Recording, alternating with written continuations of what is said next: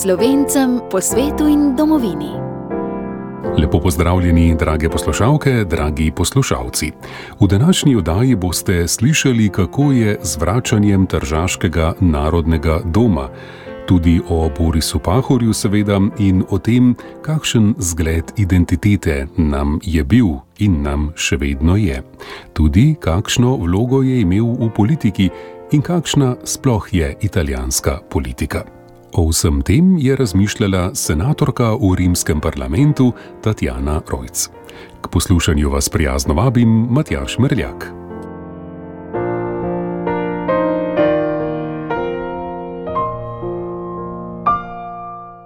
V današnji oddaji bomo predvajali drugi del posnetka Goriškega večera z naslovom Ko Boris Pahor odmeva tudi v senatu v Rimu.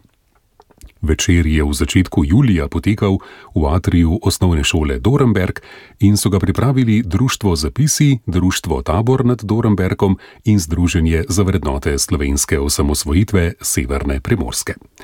Gostja večera je bila doktorica Tatjana Rojc, senatorka v rimskem parlamentu, sicer pa literarna zgodovinarka in kritičarka. Voditeljica večera pa novinarka v slovenskem uredništvu Raju Trstu in pa aktivna članica Slovenske narodne skupnosti v Furlaniji Julijski krajini Erika Jazbar.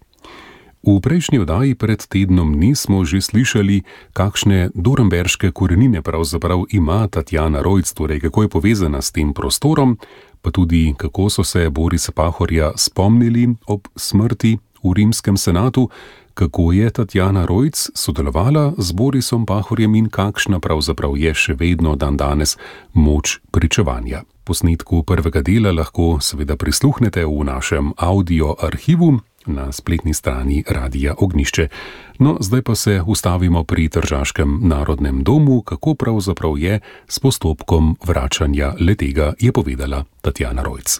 Torej, zdaj, eh, ker takrat je prišlo do, do dogovora, eh, ki ni bil, tudi tisti ni bil enostaven, pri eh, vladnem omizju, ki se je sestavljalo v Trstu, da pač eh, danes ima v Narodnem domu sedež eh, univerza, se pravi fakulteta za prevajalce in tolmače.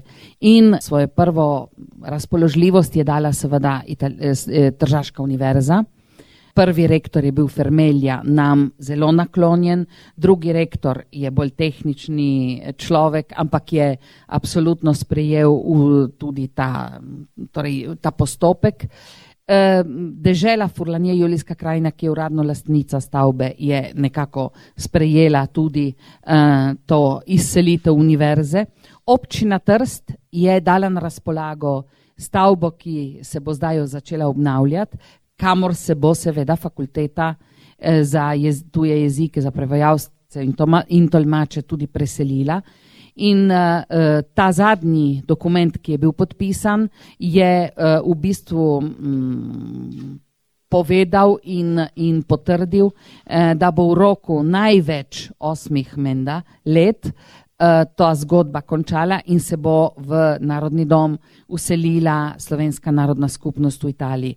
Zato, da se bo to izvajalo, je eh, bila eh, nominirana eh, kot lastnica, seveda v imenu narodne skupnosti, fundacija, ki je bila za nalašč ustanovljena, fundacija, ki nosi ime Narodni dom in v, katero, v kateri so sta oba predsednika naših krovnih organizacij, se pravi Slovenske kulturno-gospodarske zveze in Sloven, Sveta slovenskih organizacij sta predstavnika italijanske vlade in slovenske vlade uh, in potrije uh, izbrani predstavniki uh, vsake uh, od naših krovnih organizacij.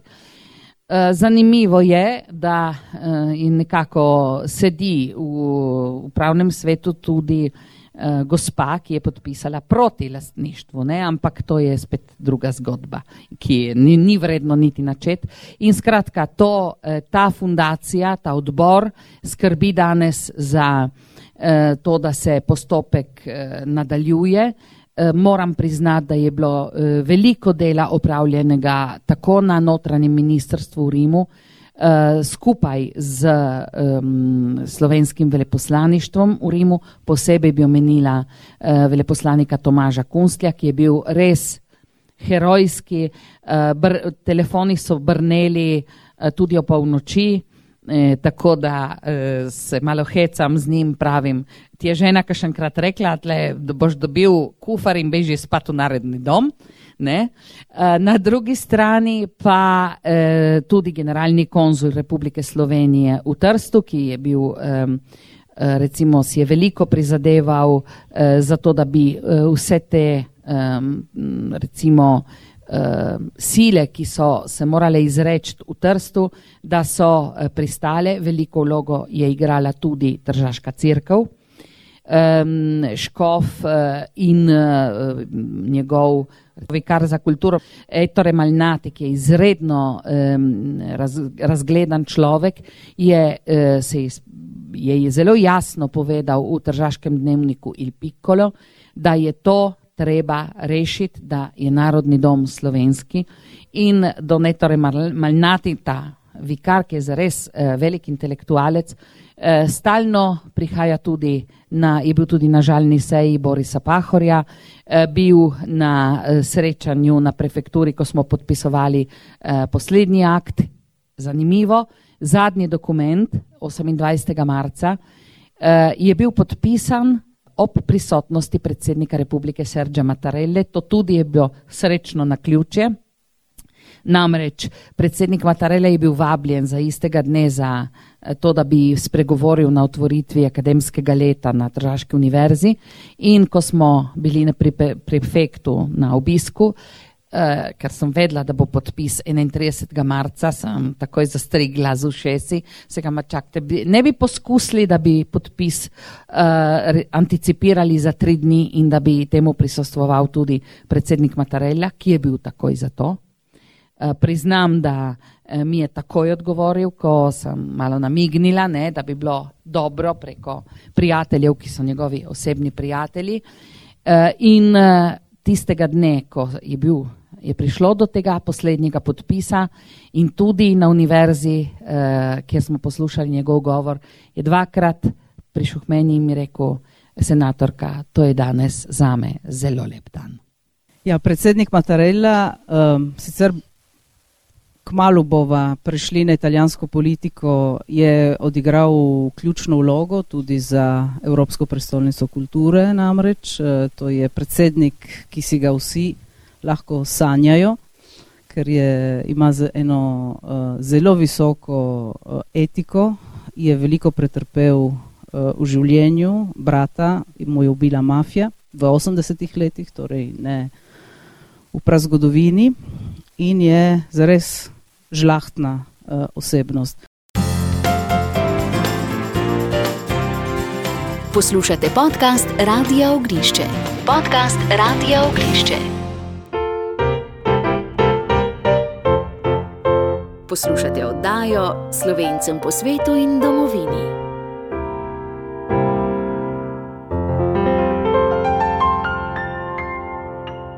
V tokratni oddaji predvajamo posnetek goriškega večera z naslovom Ko Boris Pahor odmeva v senatu v Rimu. Slišali smo, kako je s postopkom vračanja Tržaškega narodnega doma Kaj pa je gostja, senatorka Tatjana Rojc, povedala o Borisu Pahorju in identiteti? Iz tega, kar smo povedali, jasno izhaja, in mislim, da tudi vsi vemo to, da je bil velik slovenec, ponosen slovenec, zelo navezan na jezik, na, na, na identiteto, na zastavo, bil domoljuben pač človek. Bil pa je tudi velik evropejec. Eh, sedaj, kako je to združljivo? Uh, identiteta je še aktualna, je sodobna, je moderna, je potrebna. Pri Pahorju je bilo to zelo dobro združljivo in on je izhajal iz Kosovela. Ampak recimo, uh, preden bom povedala to zgodbo, danes sem bila na posvetu o Vitovski, ki je avtohtona trta oziroma vino uh, na krasu. In govoril je, Eh, predsednik Slow Fooda in govoril o identiteti. Pravi, vi ne mo, vam ni treba, da iščete, kdo ste. Vi imate kot Slovenci na krasu svojo identiteto. To pomeni, da identiteta je še kako aktualna. Seveda se je spremenila v času, vsak v sebi ve, kdo je. Uh, v, v svojem jeziku mislimo, um, se tudi skregamo, eh, molimo, pojemo. V, Pahor je povedal zelo lepo, je citiral Danteja in je rekel, ko je Dante v svojem konviviju govoril o zakaj se je odločil za tako imenovani vulgare, za ljudski jezik, ki je bila uh, primarna italijanščina in gotovo ne takrat intelektualni jezik intelektualcev, pravi, v tem jeziku sta se ljubila moj oče in moja mama, ko sta me spočela. To je na ena najlepših uh, zavezanosti jeziku, ki jo lahko imamo. Boris Pahor je bil tudi velik evropejec. Um, izhajal je iz tiste znamenite um, Kosovelove trditve, bodimo eno po duhu, ampak ohranimo svoje obraze. In citiral tudi francoskega predsednika Širaka. Ko je Slovenija vstopila v Evropsko unijo leta 2004, je bil povabljen kot slovenski pisatelj uh, na simpozij, na sklic Eh, ki ga je opravil takratni francoski predsednik Širak za vse predstav, najviše predstavnike eh, kulture v Parizu, eh, tistih držav, ki so vstopile v Evropsko unijo. In kaj je povedal Širak? Moramo biti evropejci, ampak s tem, da bomo evropejci, bomo še bolj francozi, še bolj italijani, še bolj slovenci, kot smo lahko bili prej. In to velja tudi za nas. Mi, ki smo maloštevilni narod, ne majhen, maloštevilni, kar je drugo. Um, moramo razmišljati o Evropi kot o naši širši domovini, ampak to ne pomeni, da se odrekamo sebi. Kot sem povedala prej, jaz sem prepričana, da je eh, narod, narodnost, eh, zavezanost neki višji vrednoti, eh, tudi tisto, kar nas oznamenjuje kot ljudi, kot posameznike in kot skupnost, je podstat naše biti. Če tega nimamo, potem smo izgubili sebe, če ne veš, kdo si in identiteta, o tem sva se večkrat pogovarjala s Pahorjem, identiteta ni samo neka čustvena naveza, je racionalna izbira. Eh, Seveda, danes smo pred uh, drugačnimi oblikami identitete. Zlasti mi, ki živimo na obmeji, imamo uh, recimo m, otroke, ki so se rodili v mešanih zakonih, kar pomeni, da nekako prevzamejo, uh, če je družina zdrava in taka, kot si predstavljamo, da mora biti, prevzame identiteto obeh staršev. Recimo, moj soprog, ki ima kakšno leto več kot jaz, in si mislite, koliko jih ima, eh, ne, je, imel mamo italijanko. Ampak njegova mama je hodila prepričevati, ko, ko so njega upisali v osnovno šolo in doma so govorili, materni jezik je bil italijanski, prepričevati slovenske družine v mestni četrti, kjer so stanovali, naj upišejo otroke v slovensko šolo.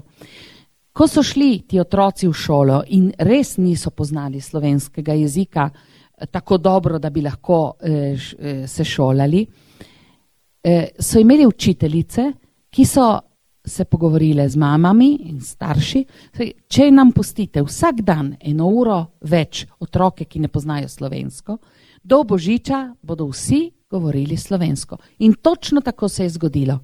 Če je družina zdrava, to gre.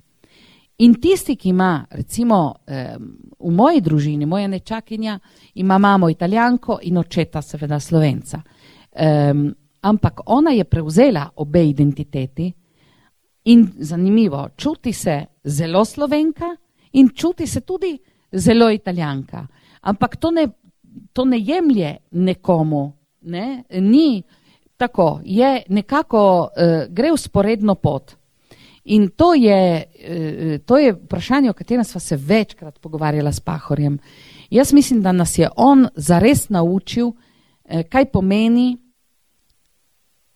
imeti pred seboj tisto uh, bistvo, ki je človečanstvo, in v tem bistvu, ki ga sestavljajo. Ki ga sestavlja več elementov, je prav identiteta ena tistih ključnih tem, okoli katerih človek postane to, kar lahko postane kot odrasel človek. Če to izgubi, potem eh, izgubi temelj. In eh, kar nam, jaz mislim, da je najhujše, kar nam je pustil fašizem, eh, občutek manj vrednosti. Ko lista, če kdo vzame v roke eh, telefonski imenik v Trstu, bo videl vse sorte priimkov, ki vemo, so bili eh, slovenskega izvora, so bili po italijančeni, recimo starci je postal del vecchio, eh, starače, eh, vecchi in tako dalje. Um, moji starši so imeli po italijančen priimek, seveda, ampak uh, tisti, ki so uh, imeli ta občutek pripadnosti zelo močan, so se potem rešili tega občutka manj vrednosti. Drugi se niso rešili tega in otroci njihovi, njihovi otroci potem so se začeli spraševati kot odrasli, zakaj nimajo te uh, identitete, ki bi jim pripadala po rojstvu in so se, se odločajo potem za uh, učenje slovenskega jezika, za nekako vračanje k koreninam. To je težko vprašanje uh, identitete. Kdor jo ima trdno in se zaveda, kaj to pomeni, mislim, da uh, ima neko, um, nek temelj, na katerem lahko gradi svojo osebnost in potem seveda tudi da svoj prispevek skupnosti. Poslušate podcast Radio Ognišče. Podprite nas in postanite prijatelj Radio Ognišče.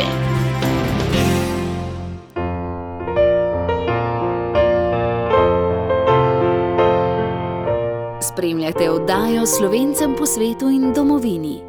Audio arhiv je na voljo na spletnem naslovu radio.ognisce.si. Današnja oddaja prinaša posnetke z goriškega večera z gostjo, senatorko Tatjano Rojc. Pogovor je vodila novinarka Erika Jazbar. Dotaknili sta se tudi politike Borisa Pahorja in politike, ter seveda italijanske politike in italijanske republike. Eh, večkrat je bila omenjena politika, omenila si Matarello, Skočimara, tudi o tem bomo govorili. Uh, Boris Pahor je bil tudi politik eh, v širšem, seveda, ker vse povedano spada v politiko, tudi v ožjem smislu. On je bil neštetokrat kandidat, bil je pristaš samostojnega nastopanja. V 60-ih letih je ustanovil v Trstu tudi slovensko levico, pravkar je verjel to v samostojno nastopanje slovensko. Eh, tako za nameček um, zamudil, je dva tedna, bi lahko bil deželni svetovalec, ker 12. junija je bil izvoljen za nabrežinskega župana Igor Gabrovec, ki je deželni svetovalec. Funkciji sta nezdružljivi. On prvi neizvoljen je bil Boris Pahor, ki pa je umrl pač 12 dni prej, tako da je sedaj deželni svetovalec v Trstu Marko Pizani. Uh, Kakšna je ta tretja republika, v kateri danes? Čakaj, čakaj, čakaj. Prva, če, moramo povedati, kaj je tretja. Ne? Prva republika je bila tista povojna do začetka 90. Ko se je začela slovenska pomlad, se je zaključevala na neslaven način prva republika s aferami, korupcijo in tako dalje. Druga republika je tisto, ki jo poseblja Berlusconi, recimo tako. Tretja republika je tista, ki v kateri smo sedaj, ki se je začela z gibanjem petih zvest in tako dalje. Sedaj pogosto poslušamo o tem, da je neka negativna selekcija. Mogoče ni to, da imamo samo več upogleda v palačo Madama, Montecitorio, Kiji, medtem ko v povojnem času je bila tam nekje neka sakralnost, ki nisi prišel na to na noben način, sedaj je vsem pred očmi in v bistvu ti politiki ni, da so dosti slabši kot tisti prej, ampak jih poznamo bolje se ne bi strinjala s to trditvijo. Eh, mislim, eh, torej, jaz mislim, da je bila prva republika, zlasti v prvem povojnem času, ko je pisala ustavo, um, eh, sestavljena iz žlahtnih ljudi, ki so imeli v mislih predvsem skupno dobro, tisto polis, bi mora, o kateri bi morali razpravljati ljudje eh, tudi danes. Potem se je vse to eh, zvodenelo in postalo res eh, neka, neka klavrna, eh, tragična zgodba, eh, ja, tudi patetična in tudi groteskna v nekaterih primerjih. Druga republika je bila zaznamovana od uh, stranke, uh, ki jo je ustanovil Berlusconi in ki je tudi začel dobro. Ker priznajmo si, na začetku je bil njegov, uh, njegov izbor uh, poslancev in senatorjev, um, izbor, ki, ki, s katerimi je jasno, da to ni, tu ni šlo za, za uh, izredne demokrate, šlo je bolj za liberalce, za ljudi, ki so imeli uh, neko visoko eh, profesionalnost v svojih strokah in na kateri bi lahko gradil, če ne bi eh, bil Berlusconi tako nekako osredotočen na samega sebe. In tudi ta njegova, bom rekla, mm, njegova 20-letna skoraj ne, republika je temeljila predvsem na dejstvu, da, je, da ima in da je imel uh, takrat v bistvu pod kontrolo uh, vse zasebne televizije, glavne zasebne televizije. Mediji, veste, da vplivajo tudi na, na, na recimo, mnenje ljudi, ampak predvsem, kar je nosi eno veliko krivdo, da je izpraznil vse institucije njihove vrednosti ne samo institucije, ampak tudi recimo vrednote, so, na katerih je bil prej temelj države. Recimo eh, v prvi, tako imenovani prvi republiki so bili ljudje, politiki, ki so imeli čut za državo. Kaj to pomeni? Da ko je šlo za velike probleme države, recimo ko je, ko je prišlo do eh, let, dolgih let terorizma eh, in skratka težkih preizkušenj v državi, so se vsi, ne glede na njihovo strankarsko pripadnost, združili in skrbeli za državo. V drugi republiki se ni skrbelo več za državo, skrbelo se je za vsakega posameznika. In to je bil tisti eh, tragičen, to pa ja, tudi grotesken, ampak tudi tragičen preskok v tisto dobo, ko je se vse izvotlilo, ko eh, je postalo vse, um, torej Berlusconi je postal simbol uh, uspešnega človeka, ki um, ima že, vse ženske, ki jih želi na razpolago, ki ima ogromno denarja, ki ima ogromno prijateljev, znancev in tako dalje, ki mu pomagajo. Torej je prišlo do, nekega, do neke, um, bom rekli, um, um, politike, ki je slonela na osebnosti, na posamezniku. Tretja republika je nastala z najboljšimi eh, predpostavkami, je pa postala izredno kaotična.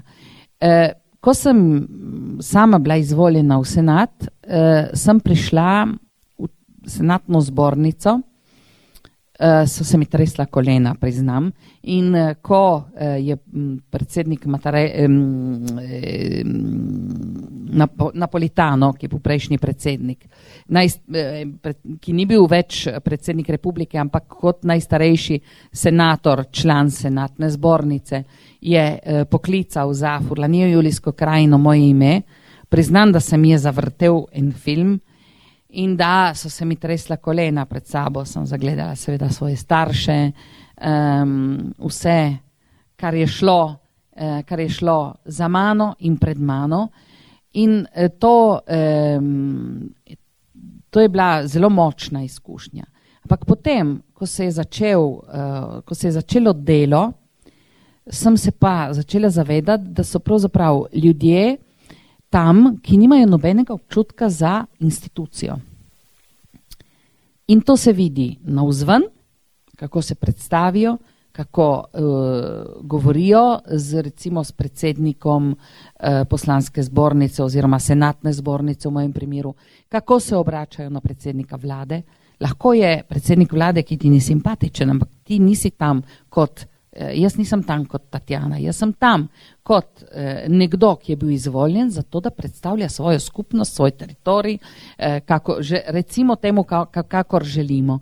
In zato eh, to, da, eh, recimo, da so leteli um, predmeti, da, da je prišlo tudi do um, osebnega obračunavanja in da so se recimo stepli med sabo. To ni, to ni spektakel, ki, ki to ne spada v kultivirano uh, uh, skupščino, ki odloča o posameznikih in o državi.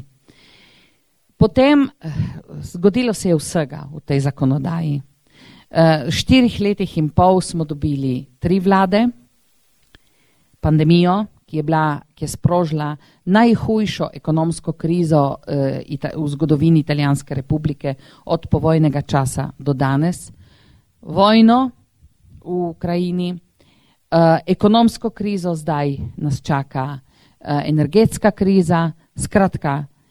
Eh, in zdi se mi, da se nekaterih vse te zadeve ne dotikajo. Da bi, da, da recimo Druga stvar, ki, je, ki jo je treba poudariti, da je Italija stalno v volilni kampanji. Enkrat volimo za obč, občinske volitve, enkrat volimo za deželjne volitve, enkrat volimo za, eh, za referendume in to se kar naprej eh, prenaša eh, in, in ne volimo vsi skupaj, kar pomeni, da, smo, da so nekateri stalno v volilni kampanji, kar pomeni, da se izneveri, da se izjalovi tisti najbolj žlahtni smisel politike, ki je to, da skrbiš za državo, da skrbiš za državljane, da nosiš neko odgovornost. In priznam, da eh, je tukaj zame eh, veliko zadoščenje, predvsem v tem, da eh, prepoznavam v skoraj vseh predstavnikih demokratske stranke neko iz, neki izreden čut odgovornosti. Uh, in tudi um, specifično pripravljenost, uh, da uh, delamo skupaj, da skupaj naredimo, uh, recimo v različnih komisijah, v katerih sem, uh, sem imela uh, možnost, da delam, uh, sem srečala različne predsednike in različne člane teh komisij. V nekaterih komisijah se je človek res spraševal, kaj delam tukaj. Ne? Ampak uh, za nekatere, recimo za, kjer zdaj sedim, to je prva komisija, ki je za ustavno vprašanje. Tam je predsednik Dario Parrini, ki je naš velik prijatelj, prijatelj slovencev, ki pozna našo zgodbo in s katerim me je presenetil, ker je prvi povedal, ti poznaš Borisa Pahorja, povej mi o njem. In to je bilo na začetku zakonodaje, tako da ne. Um, zanimivo. In on uh, predseduje tej komisiji z neko odgovornostjo in z nekim uh, znanjem, ki, uh, od katerega se človek lahko samo marsičesa nauči, kako sploh država funkcionira. To je bistvo. Če so ljudje odgovorni in to je uh, ta kaotični trenutek, kjer uh, se ne ve, kaj se bo zgodilo. Poslušate podcast Radio Ognišče. Podprite nas s svojo oceno.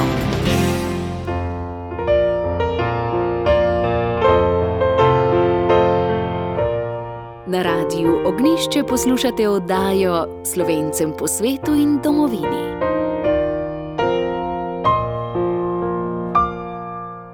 V današnji oddaji poslušate posnetek goriškega večera z naslovom Ko Boris Pahor odmeva tudi v senatu v Rimu.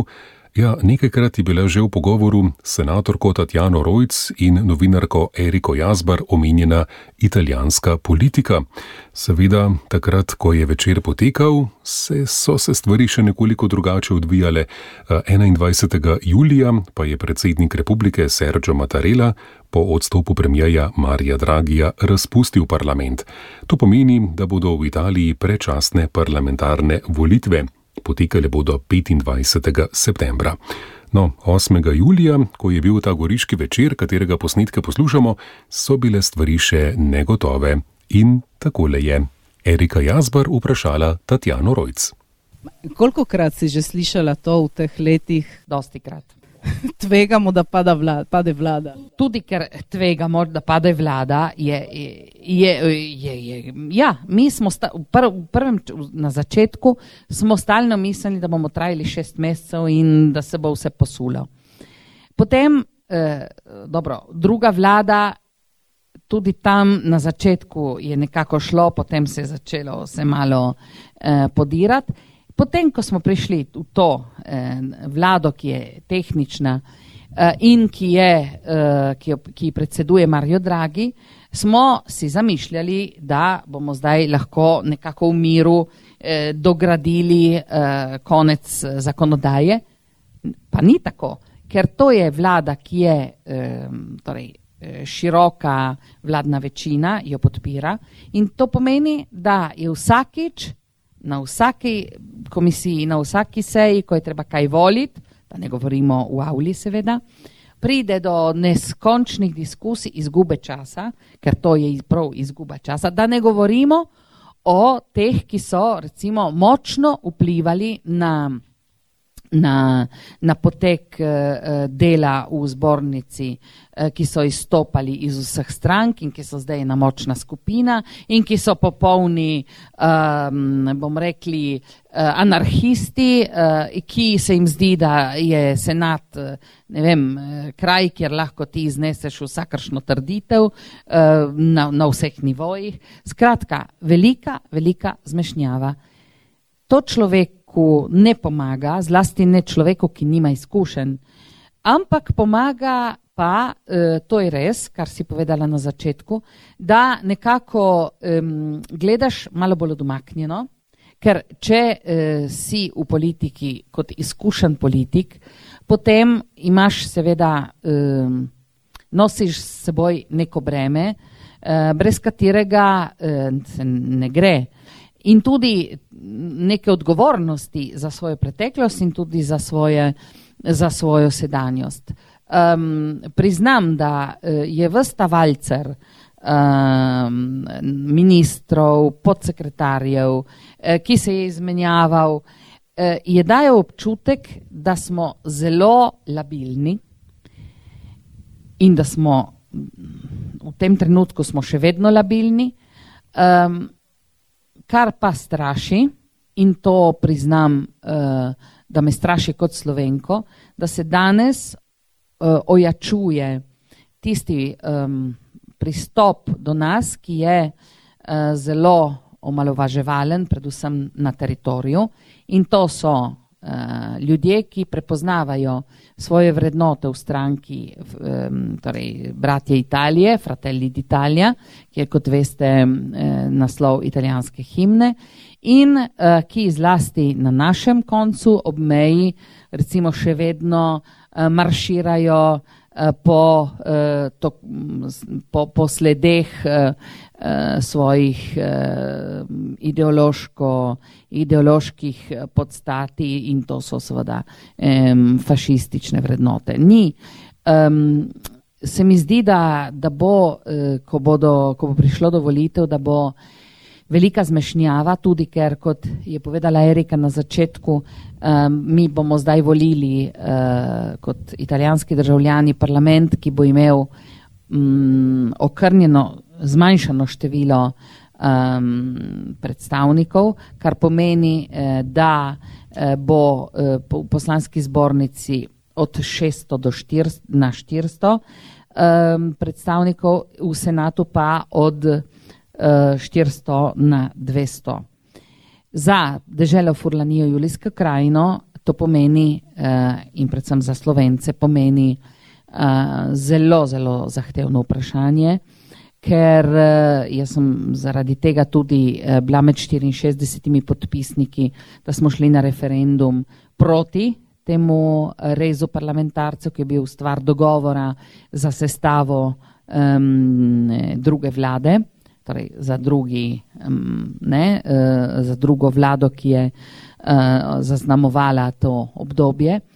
In uh, priznam, da uh, nas mora zelo zaskrbljati, uh, kaj bo s slovenci. Mogoče in tukaj jaz mm, ne morem ničesar povedati, uh, ker ničesar ne vem. Mogoče bo uh, demokratska stranka potrdila kandidaturo uh, enega slovenca. Um, namreč velja uh, zlato pravilo, da uh, kdor je imel en mandat in je pošteno delal, se mu uh, recimo, obrestuje s tem, da mu je ponujen še drugi mandat. Um, ne vemo pa, če se bo to zgodilo in predvsem uh, imeli smo, še, zda, še danes ni jasno, s kakšnim volilnim zakonom bomo šli voliti. Eh, to uh, je problem. In ker je debata se začela v poslanski zbornici, je tam uh, leži zakonski osnutek, uh, ki uh, naj bi uh, garantiral oziroma omogočil slovensko predstavništvo. Sama sem prav zaradi tega napisala uh, na podlagi uh, izkušenj in, iz, in, in ekspertize, ki jo je izdelal uh, ustavni um, izvedenec v Rimu, sem predlagala ustavno reformo, eh, ki naj bi na podlagi uh, recipročnosti, tako kot je Slovenija zgledno poskrbela za uh, svoje uh, manjšine, uh, da bi tudi Italija poskrbela za slovensko manjšino, uh, s tem, da bi omogočila v Furlani Julijski krajini eno mesto, eno dodatno mesto za poslansko zbornico, ki bi bilo namenjeno slovencu. Kako, to je drugo vprašanje, to je tehnično vprašanje. Ampak, če bi se to uredilo v ustavi in se ne bo uredilo v tej zakonodaji, ker je premalo časa in preveč negotovosti uh, in res premalo časa, uh, mislim, da je to edina resna rešitev, ki nas lahko obvaruje, ker je eh, vsaka ustavna sprememba zelo zahtevna, namreč zahteva dve obravnavi v vsaki zbornici uh, in uh, potem še seveda podpis predsednika republike. Ampak, ker sem uh, optimist, ko uh, je bilo, ko sta se predsednika Pahor in Matarella srečala v, v Novi Gorici in potem v Gorici oktobra lani, in sem že uh, oddala, torej uh, ta, uložila ta um, predlog o no, ustavni spremembi, sem vprašala predsednika Pahorja, če se mu zdi umestno, da njemu in predsedniku Matarelli izročim besedilo. In uh, predsednik Pahor je rekel, ti bom dal besedo in boš to naredila. In sem res izročila in predsednik Matarella, eh, je povedal, takrat ni vedel še, da bo ponovno izvoljen in ni hotel biti ponovno izvoljen, je upal, da ne bo več izvoljen. Uh, in je uh, rekel, veste, jaz se absolutno strinjam s tem, da bi morali Slovenci imeti zagotovljeno zastopstvo. Mi je samo žal, da ne bom jaz podpisal tega odloka. To mi daje upanje in uh, to mi daje tisti, tudi tisti tisto prepotrebno, bom rekli, um, uh, energijo, da, uh, da ne vržem pač puške v koruzo, ker tu ne gre uh, za me, tu gre za nas. In če nimamo človeka, ki skrbi za nas v Rimu, potem uh, bo zelo težko, da bomo karkoli novega, drugega dosegli. Prav z zgodbo Narodnega doma eh, smo videli, kako eh, je pomembno, da nekdo v Rimu stalno, da je stalno na preži in da čaka, da sledi, da se pogovarja, dogovarja eh, s tistimi, ki odločajo o naši usodi. Poslušate podcast Radio Ognišče. Podcast Radio Ognišče.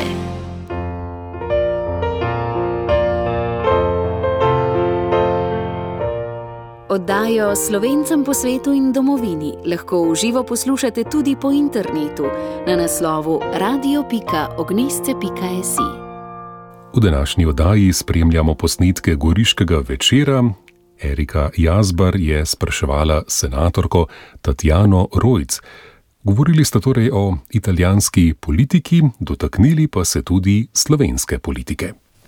Ja, se omenila si uh, ponovno izvolitev Serža Matarelle, ki je bil tudi dokaz, da italijanska politika je v slepi ulici, ker on je desetkrat ponovil, da ne bo ponovno uh, predsednik republike, tudi sam Dragi, s tem, da je postal predsednik vlade, s to vlado narodne enotnosti ali tehnično vlado, kot jo hočemo pač uh, imenovati, je en dokaz pač, uh, da stranke so odpovedali, sedaj kaj nas čaka v naslednjem letu, ko bi morali biti enkrat spomladi volitve, če ne bodo že prej, seveda je odprto vprašanje. Škočimaro, ki pripada tej stranki, je danes prva stranka v Italiji po an anketah. Ne samo, je prva stranka tudi v Gorici, ki so bile občinske volitve. Torej ta, uh, to, da je v opoziciji, se jim, se jim obrestuje. Sedaj primerjava med slovensko in italijansko politiko seveda je nemogoča, ker sta dva različna svetova, dve različni politični zgodbi, ampak tako en flash, eh, ker si govorila o tem nespoštovanju inštitucij in podobno. Kako ti ocenjuješ to piroeto, ki jo je naredila predsednica slovenskega parlamenta na dan državnosti? Torej, če bi Kazelatjeva 2. junija pred vojaško parado tam nekaj zaplesala na Piazza Venecija? Jaz sem bila na tej proslavi in um, nismo videli od vsega začetka, kaj se dogaja.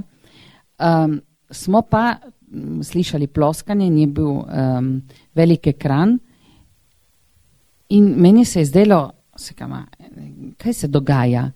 E, mislim, ko ti greš mimo uh, garde, uh, ki je postrojena, uh, ko greš uh, po tisti rdeči preprogi, ti veš, da ne hodiš ti, ti individuum, da hodi s tabo vse to, kar ti predstavljaš.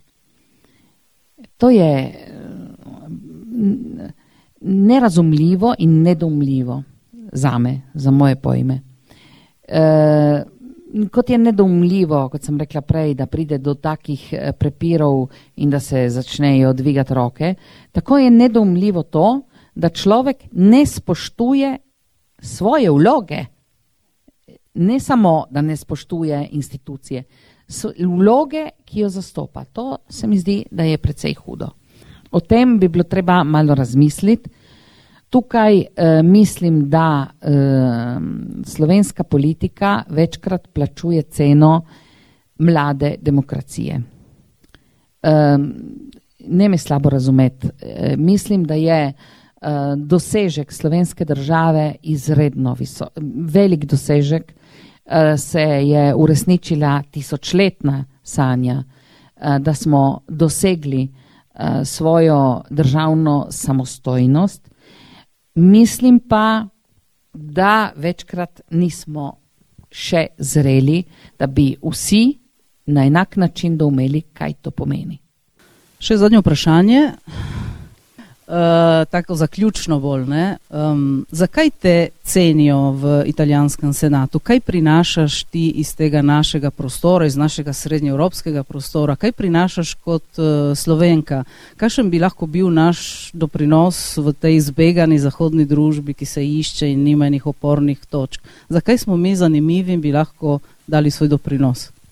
Torej, jaz se po telefonu večkrat pogovarjam v slovenščini, eh, v knjižni italijanščini, v italijanskem dialektu, ki je, tržaški dialekt je podoben beneškemu. In eh, moji kolegi se večkrat smejijo na ta račun, ker pravijo, ti si zares senator teritorija, ker predstavljaš vse mi manjka malo furlanščine, ampak dobro, to se ne da pomagati. Ampak uh, mislim, da smo zanimivi, ker um, predstavljamo svet, ki je bil prikrit. Uh, to, kar se je dogajalo uh, v Jugoslaviji, je bila Jugoslavija.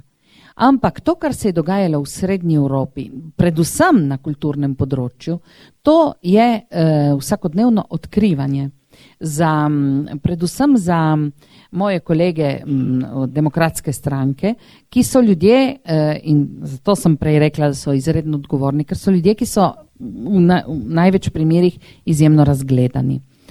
Um, ko uh, ti poveš, in večkrat sem govorila o nas, in komaj je mogoče omenim slovensko narodno skupnost, in to, kar, eh, kar pomeni za nas identiteta in tako dalje, v posegih, kjer je seveda mogoče to narediti. Eh, mislim, da eh, najprej eh, je bilo začudenje, na to veliko zanimanje, slednjič pa tudi skoraj da malo zavisti, ker uh, imam jaz, nosim s sabo uh, neke uh, posebnosti, neke, uh, bom rekla, uh, zaklade, tudi če hočemo, ki uh, in jih oni ne poznajo, ker imajo to oviro jezika. In, ampak to se mi je zgodilo tudi, ko sem um, v mojem prejšnjem življenju, ko sem uh, dosti uh, delala z uh, dvema osebama, ki uh, sta meni zelo dragi in to je moja založnica Elizabeta Zgarbi in njen brat Vittorio Zgarbi, ki je umetnostni kritik in ki je uh, velja za zelo sporno osebnost, ampak oba sta imela do dejstva, da eh, mi recimo odpiramo eh, ta vrata eh, slovenske in srednjeevropske kulture italijanskemu svetu, ki je ne pozna, eh, oba sta imela do tega veliko spoštovanje in to se ponavlja pravzaprav tudi v senatu. Eh, tega se verjetno mi niti ne zavedamo, da je za eh, eh, tiste, ki so, ki živijo eh, malo dlje, od obmejnega pasu. Eh, dejstvo, da smo Slovenci, da smo prišli do svoje države, da imamo svojo kulturo, da imamo svojo literaturo, da imamo eh, svoje znanstvenike, da imamo eh, visoko izobražene ljudi, da imamo neko zgodovino, ki eh, nas je utrdila stati in obstati, ni slučajno, da je zapisal Trubor, ki nas je oznam, recimo, um, bom rekla, um, zaznamoval in nas naredil narod. Ne? Uh, v svoji viziji uh, bodočnosti, ki je bila genialna. Eh, mislim, da je to res eno bogatstvo, ki se ga mi ne zavedamo, ki nam ga pa marsikdo zavida. In, to, in na to sem, moram priznati, zelo ponosna. Ja, tu bi se odprl sedaj še en sklop vprašanj, ampak si, si predstavljam, da če bi nadaljevala, bi začeli ugašati luči, veš, ko je bilo nekoč, ko si hodil da bi nas poročali pač dovolj, ne? ker pač tematiki sta bili obe močni, ne? pač Boris Pahor bi lahko še do jutra govorili o njem, da ne govorimo o, o italijanski politiki, italijanski kulturi in tako dalje. Jaz upam, Eh, da je bil pogovor zanimiv. Eh, Tatjana, res hvala za vse to, kar si nam danes tu povedala, delila z nami tudi zelo lepe eh, trenutke, tudi zelo, zelo osebne in si nam odprla pač pogled v to, to rimsko politiko, ki je zares unikatna. Tako smo v današnji oddaji, drage poslušalke, dragi poslušalci, predvajali drugi del Goriškega večera, ki je v začetku julija potekal v atriju osnovne šole Dorenberg in so ga pripravili Društvo Zapisi, Društvo Tabor nad Dorenbergom in Združenje za vrednote slovenske osamosvojitve Severne Primorske.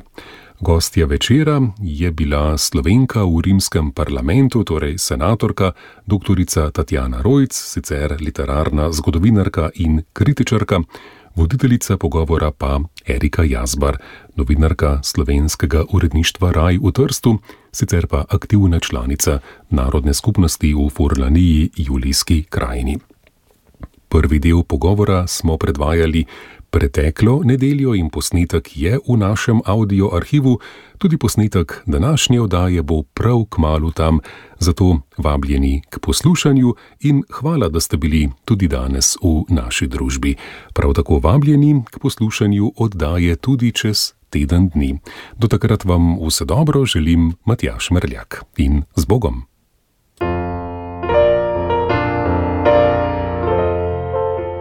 Na radiju Ognišče ste poslušali oddajo Slovencem po svetu in domovini. Na sporedu je ob nedeljah ob 17. uri, ponovitev ob ponedeljkih ob 24. uri. Arhiv oddaj in sveže novice na spletni strani radio.ognisce.si. Oddajo sofinancira Urad Vlade Republike Slovenije za slovence v zamejstvu in po svetu.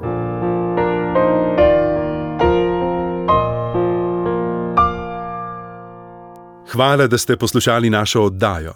Podprite brezplačen dostop do vsebin in postanite prijatelj Radia Ognišče.